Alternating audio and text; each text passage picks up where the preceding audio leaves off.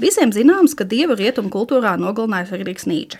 Savukārt par autoru nāvi atbildību jāuzņemas franču kultūras teorētiķim Rolandam Bartam, kas 1967. gadā publicēja esēju ar nosaukumu Autora nāve.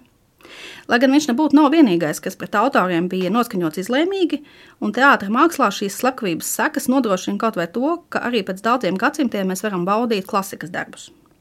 Autora nāves koncepts ir saistīts ar lasīšanas veidu. Proti, tas paredz, ka lasītājs, skatītājs, klausītājs atkarībā no mākslas veida ir tas, kurš nosaka, kā mākslas darbs ir uztverams. Līdz 20. gadsimtam mākslas teorijā galvenais kritērijs mākslas darba izpratnē bija autors.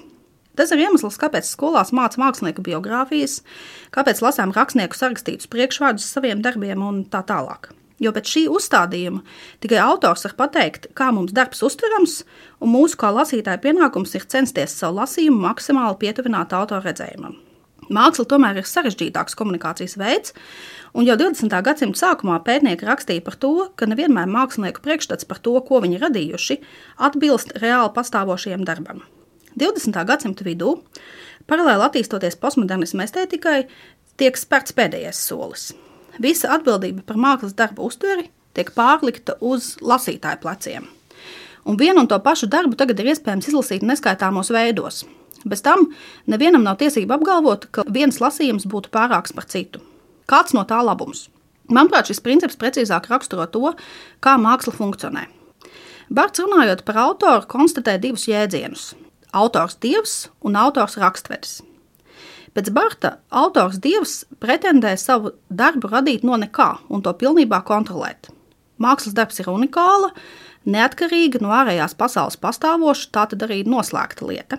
Savukārt autors rakstvedis apzinās, ka mākslas darbs ir diskusija, ka autors tikai pieraksta, fiksē kultūrā notiekošo.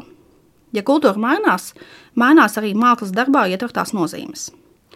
Man pašai visspilgtākais piemērs, kā autora nāve nodrošina izcilu tekstu eksistenci, ir Viljams Šekspīra Venecijas tirgotājs. Mūsdienās to ir neiespējami iedomāties, bet lūga, ko šodien iestudē kā traģēdiju, ir sarakstīta kā komēdija. Šekspīra laikā tas ir loģiski. Skatītājs diez vai identificējas ar galveno varoni Šeiloku, bet drīzāk ar fona tēliem, ko mēs šodien uztveram kā ļaundarus. Kāpēc? Tāpēc, ka Šeiloks ir ebrejs un 16. gadsimta nogales Eiropa ir antisemītiska. Venecijas tirgotājs ir izcils mākslas darbs, kā daudz kas, ko sarakstījis Šekspīrs, patiešām pārlaicīgs. Bet tikai tāpēc, ka Barts mums ir devis tiesības lasīt šo darbu atbilstoši savam, ne autora laikam.